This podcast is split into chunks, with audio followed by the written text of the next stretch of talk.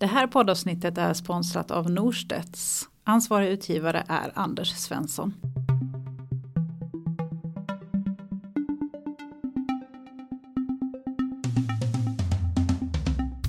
Hej och välkommen till Språktidningens podd som idag är sponsrat av Norstedts. Och jag heter Peter Karlsson och är förläggare och jag har varit förläggare för boken Viktig svenska av Lena Lind Palitski och Anders Svensson. Och det är därför jag leder det här programmet idag. Välkomna till podden. Tack så mycket. Tack så mycket. Lena Lind Palitski, du är eh, universitetslektor på Stockholms universitet och 1 augusti så tillträder du som chef för Språkrådet. Det stämmer bra. Och Anders, du är chefredaktör för Språktidningen. Det stämmer också bra. Den här boken Viktig svenska, den har ju precis kommit ut. Jag tycker det är jätteroligt att vi har kunnat ge ut den här på Norstedts. Vi har en jättelång tradition av att ge ut språkböcker, men eh, vi har gett ut ordböcker och vi har gett ut språkvårdsböcker och så under, ja, ända sedan 1800-talet. Men de sista åren så har det varit väldigt lite. Det är inte riktigt en del av verksamheten längre, men jag personligen har verkligen längtat efter att få göra den här typen av böcker. Och därför var det så roligt att få kontakt med er och jobba med den här boken. Och från början var det väl du och jag som hade kontakt, Lena? Ja, men det var det ju. Jag skickade ju ett annat manus till dig som du sa, ja men det här var ju jätteintressant och bra, men det är lite för smalt. Har du ingen annan idé som är lite bredare? Då var det ju så att jag och Anders hade pratat om en annan idé. Och då var det Anders som hade frågat mig, ska vi inte skriva en bok tillsammans? Och jag svarade ja på stående fot. Och sen så hade vi, det var ju väldigt, då hade vi inte börjat med den boken än, utan det var bara på idéstadiet. Men då sa jag, vi kommer gärna och pratar om den här boken som vi har på idéstadiet och vill skriva. Sen gjorde vi ju det. Vi skrev lite provkapitel, vi skickade, du sa ja, sen skrev vi. Enkelt och bra var det. Nej, men vi hade ju kommit en bit på väg i vårt idéarbete. Vi hade också sökt och fått ett stipendium av Svenska Akademin för att jobba med den här boken, vilket vi var jätteglada för. Men vi hade ju haft lite sådana här, ja, men lite åtaganden som gjort att vi hade inte riktigt kunnat komma igång så där intensivt med skrivandet. Nej, för vi hade väl också tänkt att vi skulle skriva lite först innan vi kontaktade något förlag. Vi ville ha lite att visa upp. Japp. Men så småningom fick i alla fall jag ett manus då och börja, börja titta på olika texter ni hade skrivit. Och jag tyckte som sagt att det var jättespännande. Jag har ju själv bakgrund som, inte språkvetare, men jag har jobbat som korrekturläsare och redaktör och förläggare och sådär. Och jag har ju som korrekturläsare inte minst, jag har liksom varit på, jag var lite på Dagens Nyheter och jobbat för massa olika förlag eh, tidigare innan jag kom hit. Och, så att jag kommer kanske lite mer från språkpolishållet och lite sådär käpphästhållet. Och ni har ju liksom en liten annan inriktning i, men ett annat perspektiv i er bok. Ångrade du dig liksom halvvägs in när du såg vart hän det barkade? de här språkliberalerna, den kommer inte ge ut. Nej men alltså ni argumenterar ju väldigt bra för er sak tycker jag. Och det var ju också lite tanken med, ja men som sagt nu redan från början när vi började diskutera den här idén och ett skäl till att jag också tänkte på dig att det var vi två tillsammans som skulle skriva den här boken. Det var ju dels för att, ja men du Lena, du har ju jobbat som språkvårdare tidigare, eller nu ska ju du bli chef för språkrådet, men då stod ju du så att säga ändå vid lite vid sidan om och jag tyckte väl också att det var roligt, eller en grundtanke var ju också att göra lite avsteg, någon slags lite väl valda nålstick eller vad man ska säga. I den här lilla konsensusankdammen som svensk språkvård i någon mån är så ville, var ju en tanke i alla fall att man ville skapa lite svallvågor eller vad man ska säga. Och en sån där grej som innan det var en debatt var ju till exempel att vi var ganska överens. Det var knappt ens en diskussion men vi tänkte att vi skulle skriva dem genomgående i boken just för att vi tyckte att det var dags max. Så det är väl ett sånt där lite liksom normavsteg eller vad man ska kalla det för. Men sen är det ju inte heller så att vi på något sätt driver en helt annan linje än vad språkvården gör. I några ganska få frågor skulle jag säga att vi kanske går steget längre eller vi föreslår och diskuterar olika typer av förändringar. Och det kan ju vara ganska små saker som att vi säger att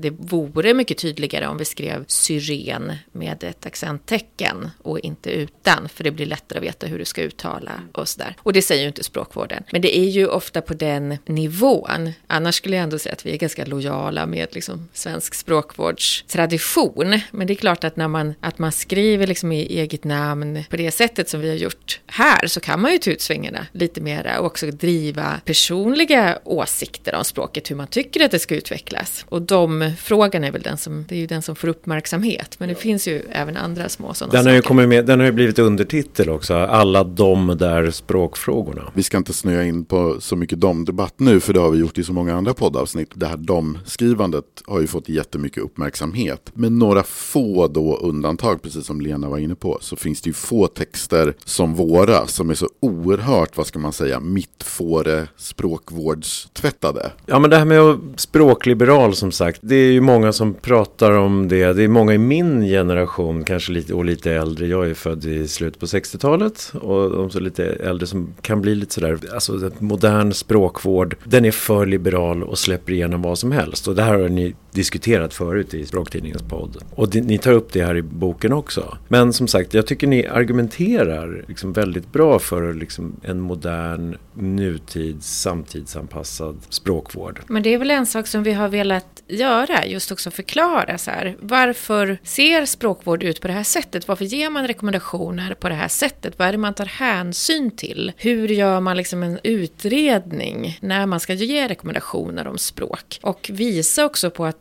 språk och språkförändring hänger ihop med så många andra saker. Det hänger ihop med samhället, vilka människor som använder vilket språk, i vilka sammanhang och så vidare. Och att vi har velat visa vad det är man egentligen pratar om när man pratar om språk. För det är ju så att man pratar om väldigt många andra saker. Man pratar ju om liksom språkbrukarna, människorna som pratar språket och så knyter man olika sociala värden till det. Så det har vi ju verkligen velat visa och då tänker vi nog att då kommer också att man får större förståelse för att det är ganska svårt med de här värderingarna som språkvårdare gör och säga vad som är lämpligt och olämpligt eller rätt eller fel eller så. Och så vill vi också lyfta fram att på samma sätt som många då, ja men kanske framförallt då de som är lite äldre idag tycker i hyggligt stor utsträckning att dagens språkvård är för slapp. Så har det ju varit genom alla tider också. Vår titeln på boken Viktig svenska, det är ju förstås en ganska rejäl blinkning åt Erik Welanders riktig svenska.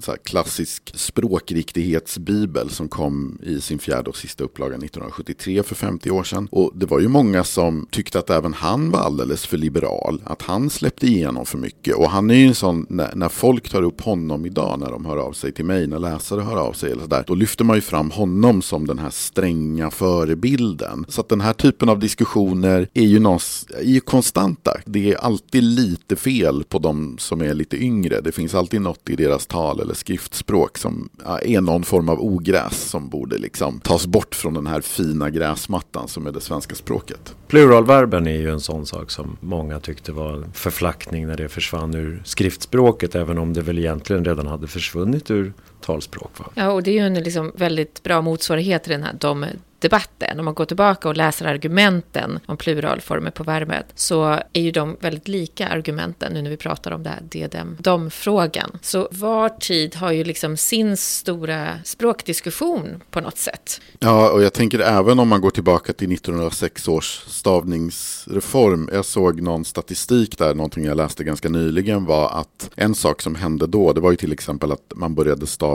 rött med TT istället för DT. Och så såg jag att innan man genomförde den här förändringen, och det var ju många som förstås tyckte att detta är kulturskymning, förflackning, svenska språkets undergång och så vidare. Så de här DT-felen, eller vad man ska säga, de utgjorde alltså 20% av felen som eleverna gjorde när de skrev uppsatser i skolan. Så det är en väldigt hög siffra. Och på det sättet så tycker jag också att den lite kan jämföras med de och dem, som ju också egentligen nu primärt är en stavningsfråga och inte så mycket en grammatisk fråga. Jag som är ändå är gammal språkpolis tycker det är roligt att ni tar upp några av de här klassiska språkfrågorna. Sådär ensam eller själv eller ett slags eller en sorts. Den där typen av exempel. Är det sådana frågor som ni ofta fått i samband med att ni har, för ni har ju skrivit krönikor också i språkkrönikor i Lena du i Svenskan och Anders i DN. Ganska mycket av de frågor som vi får i olika sammanhang, det är ju väldigt mycket samma typ av frågor som återkommer. Det här är ett sätt att dels förklara, berätta varför är det här ja, språkriktighetsfrågor som uppmärksammas eller som engagerar. Varför träter vi just om det här? Och dels är det väl också de, ja, den typen av språkfrågor där vi tycker att då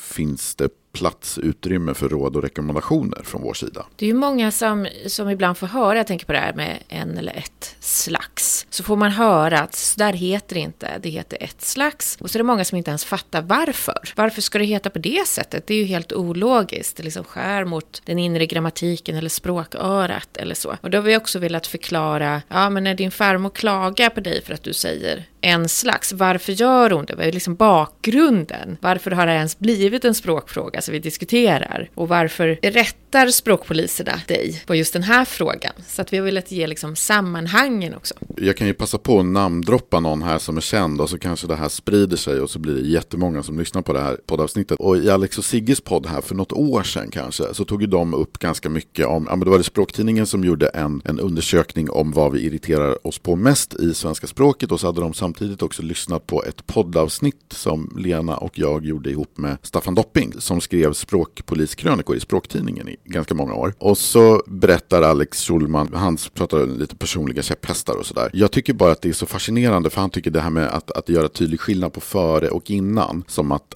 den här gamla Henning Mankell-romanen Innan frosten, att den absolut skulle hetat Före frosten till exempel. Och så tycker han, att det här är ju tokfel. Men det jag tycker är spännande här är att han ska också, så får han frågan av Sigge, men varför är det fel då? Och det kan han absolut inte förklara. Han vet inte varför, men det ska vara så här. Och sånt där tycker jag är jättespännande. När man har lärt in sig en norm så hårt så att säga, men man egentligen inte har, nu låter jag kanske snobbig, men egentligen inte har några tydliga argument för varför det ena är bättre än det andra. På det sättet så är vår bok ett ganska bra underlag även för de som vill vara språkpoliser. För man kan ju också få argumenten här, varför någonting är bättre än något annat. Mm, precis. Ni visar ju i boken hur språket förändras och sådär. Ibland går ni ner på liksom konkreta ord som till exempel hemsk och billig och björntjänst. Och... Ser ni någonting just nu förresten som håller på att förändras? Något, något ord som håller på att liksom byta från en betydelse till sin motsats eller? Så? Björntjänst är väl ett ganska bra exempel på det. Där det ju traditionellt har varit en otjänst men där många tror att det är någon typ av jätte jättetjänst, en bamsetjänst. Och så låter det ju. Och det är ju ett väldigt ologiskt ord. Det kommer ju av en gammal fabel. Hur ska man veta det? Det är någonting man väldigt aktivt måste lära in. Ja, ett annat exempel som vi diskuterat väldigt mycket det senaste dryga året. Det är ju sanktionera. Som slår man upp det i en ordbok idag så står det ju att betydelsen är att man tillåter, godkänner någonting. Vi har ju haft statsministrar och andra politiker som talar om att Sverige sanktionerar Ryssland och då betyder det införa sanktioner. Så att det används ju nu för tiden ganska ofta i motsatt betydelse. Sen finns det ju de som liksom glider lite mer, som till exempel vi tar upp driven, som ju man kan ha lite olika, möjligen beroende på generation, ha lite olika åsikter om vad en driven person är. En annan som där också är till exempel exempel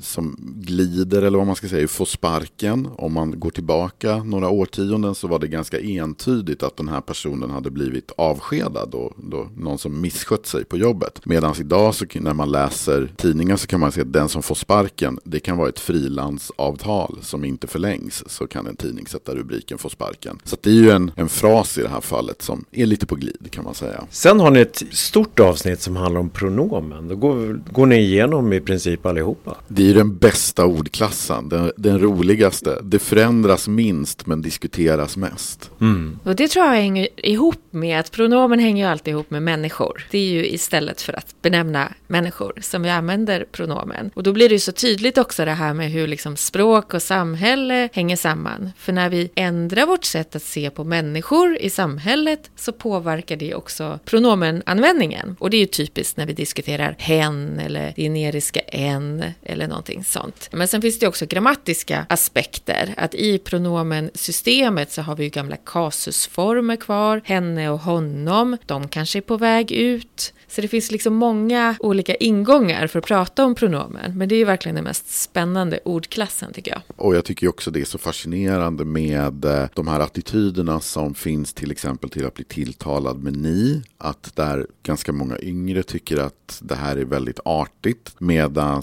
ganska många äldre tycker att ni är nästan som en loska i ansiktet för att man förknippar det med av forna tiders klasskillnader och sådär. De som lyssnat på flera avsnitt av den här podden de vet ju att vi älskar att älta pronomen. Och nu har vi ju nästan gjort det igen här. Så att vi, vi hamnar där. Vi ville ju gärna typ skriva en egen bok som bara handlade om pronomen. Ja, det var ju faktiskt en idé som funnits. Så att, Ja, eh, ja, så finns kanske fortfarande. Det här med att ni uppfattas som artigt. Det finns ju det här uttrycket ers majestät ändå. Det är ju väldigt artigt och det är ju ett ni och er så att säga. Det är kanske det artigaste vi har i svenskan. Då är det ändå, finns det ändå där. Men det är också en annan aspekt på varför det här med pronomen är så spännande. För det är ju ändå så att när man säger att ja, men, ni var nedlåtande så är det en generalisering. För att det fanns ju en ganska stark ändå rörelse för att man från 1850-talet och framåt. För att man skulle, att det var ni som skulle bli det här allmänna tilltalsordet. Att man tyckte att du var lite väl påfluget. För alla de som strävade efter liksom en förändring. Man var ganska överens om i alla läger att svenskans tilltalssystem, det här när man till exempel använde titel och sådär, det var krångligt och, och dumt. Och att det hade varit väldigt smidigt med ett mer allmänt tilltal. Men så var man inte överens om det skulle vara ni eller du eller kanske någonting annat. Men eh, det finns ju ni, ett ni som lever kvar i några så att säga väldigt förnäma kretsar. Och det är just det i kungahuset och Svenska Akademin. Det är väl ungefär dem. Där är man ganska överens om att det är artigt att säga ni. Och jag vet ju också som, jag jobbade en sväng på Expressen för många, många år sedan. De som var, sysslade med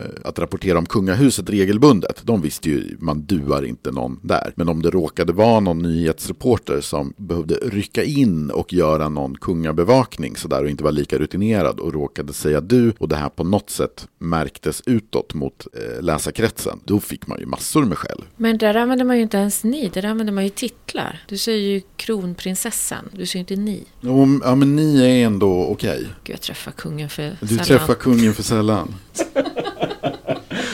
Jag trodde inte det var okej. Jag trodde man var tvungen att säga kronprinsessan. Eller kungen. Ja, det Kung, säger man. Kungen är Har kortformen. Först säger ers majestät. Ja, ja sånt, visst. va? I högtidliga sammanhang. Men sen säger man Och sen är Må det... kungen idag. Har, ja. Om du inte väljer att säga vad åt kungen för frukost idag så är ni är accepterat. Medan inte du, åtminstone inte Anders, av det här alla. är oanade kunskaper som du sitter inne med. ja. Visste inte det. Det Kanske blir det en bok det, här, det det, det blir ju pronomenboken. Ja, ja, ja, det, det är nu vi säljer in idén här. kungliga pronomenboken. Ja, den väldigt begränsade språkriktighetsboken som är så här 300 sidor om hur du kan tilltala människor i och utanför kungafamiljen.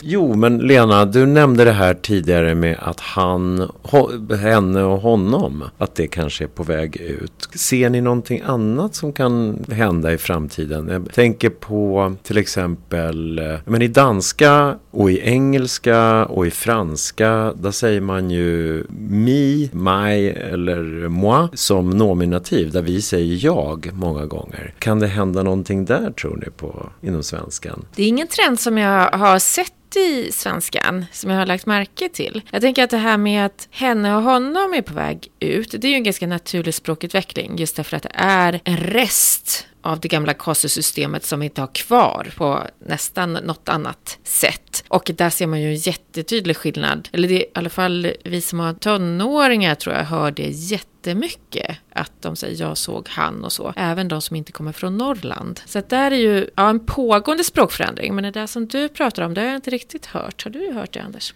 Nej, jag tycker inte att jag ser något, vad ska man säga, sammanfall av jag, mig, du, dig. Utan det är väl de här formerna som vi kan spåra lite längre tillbaka i tiden som kanske är på väg att vi får en förenkling där. Jag har sett, eh, det finns en språkforskare som heter Alexander Katurgi i Lund. Han hade noterat att de har nu börjat användas i tredje person singular. På samma sätt som man gör i engelska. Precis, men det handlar ju om det här könsneutrala, det här singular they som de har på engelska. Där vi har ju använt hen. Och det har kommit att börja användas i svenskan i väldigt begränsade kretsar. Men att det då kan handla om icke-binära personer eller transpersoner som vill ha ett pronomen om sig själva eller man vill prata om någon annan och att man då direkt översätter det här they från engelskan som används som singular. Sara Lövenstam skrev om det ganska nyligen också i Svenska Dagbladet. Jag revirpinkar här, Nej, men jag skrev om det här i DN för ett drygt år sedan.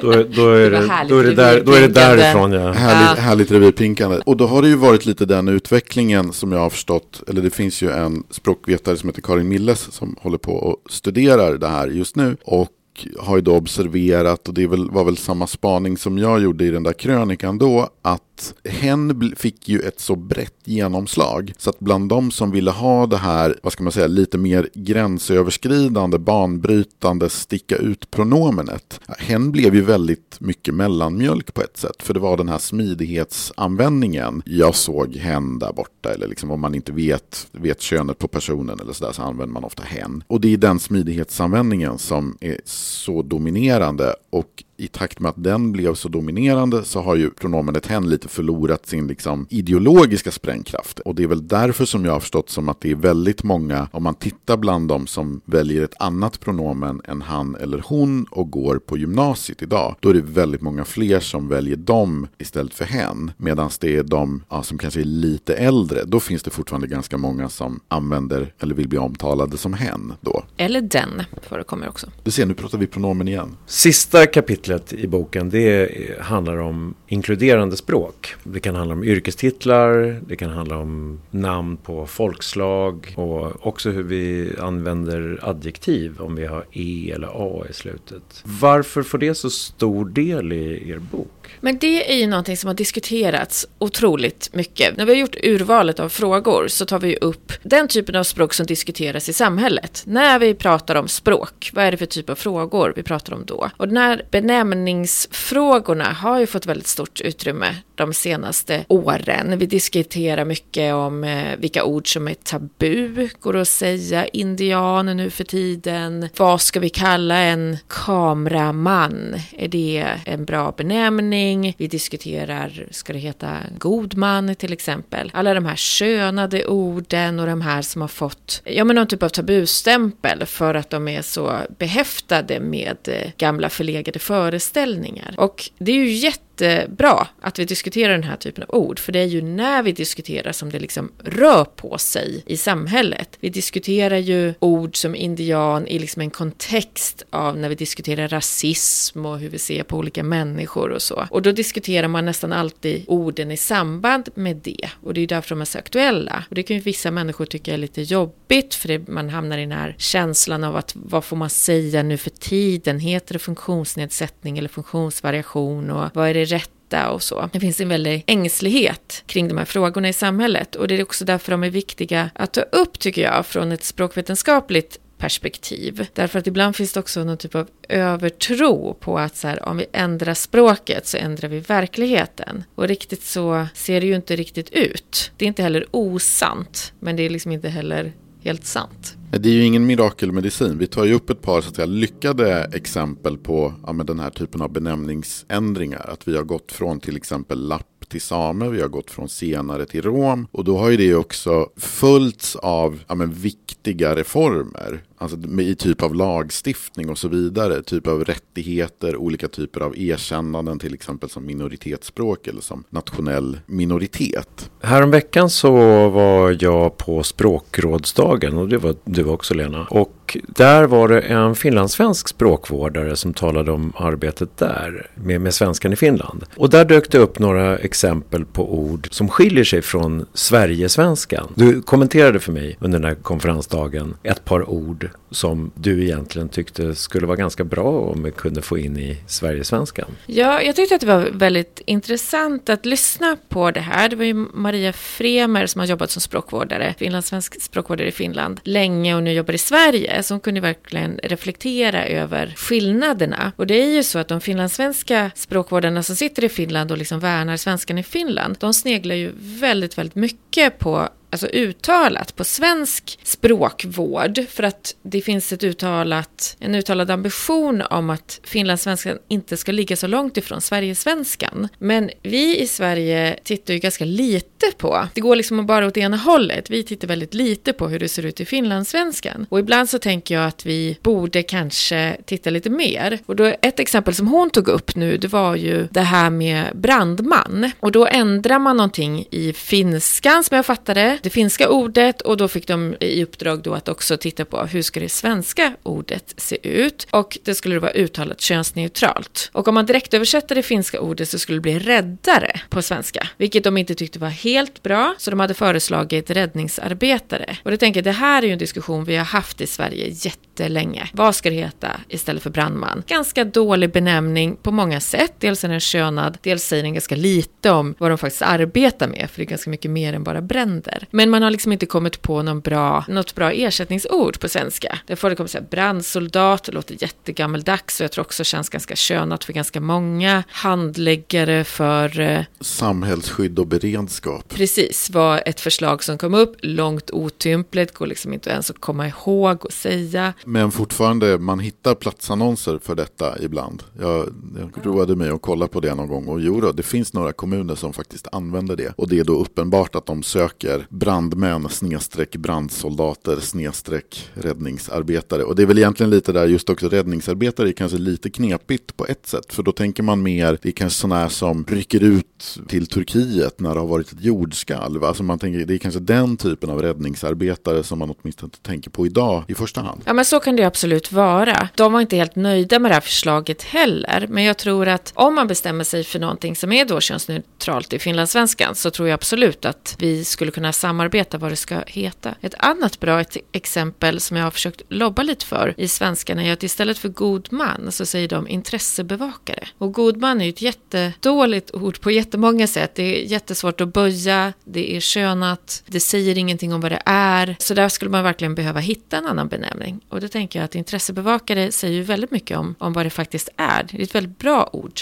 En sak som jag tycker är intressant också som vi också tar upp lite i boken just det här med att äh, vi, vi tittar inte så mycket österut på hur svenskan utvecklas eller hur, den, hur språkvården ser ut i, i det svenskspråkiga Finland. Men på samma sätt så har vi också ganska mycket frångått det nordiska perspektivet. Att vi pratade lite om när Erik Velander och hans riktig svenska kom ut allra första gången 1939. Så när det var språkvetare som kritiserade den boken så gick ju kritiken ganska ofta ut på att han var så att säga för lite nordist. Han brydde sig ganska lite om det synsättet. Och då fanns det ju en mycket mer sån här strä tydlig strävan efter att svenskan skulle inte glida isär från norskan och danskan. Utan i den månen man så att säga, kunde ensa att vara överens om olika typer av former och ord så var det en fördel. För att då var ju den här tanken om den nordiska språkgemenskapen så mycket starkare. Och det fanns ju också mycket mer samarbete mellan de nordiska språknämnderna länderna. Det finns ju samarbete idag också, men det var så otroligt mycket starkare förut. Att man hade den här nordiska sammanhållningen. Då säger jag tack Lena Lind Palitski. Tack så mycket. Och Anders Svensson. Tack, tack. För att jag har fått tala med er om boken Viktig svenska. Alla de där språkfrågorna som har precis har kommit ut på Norstedts och finns att köpa i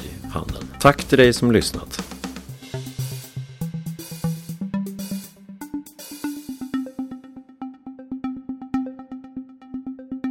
Du har lyssnat på Språktidningens podd. Det här avsnittet var sponsrat av Norstedts.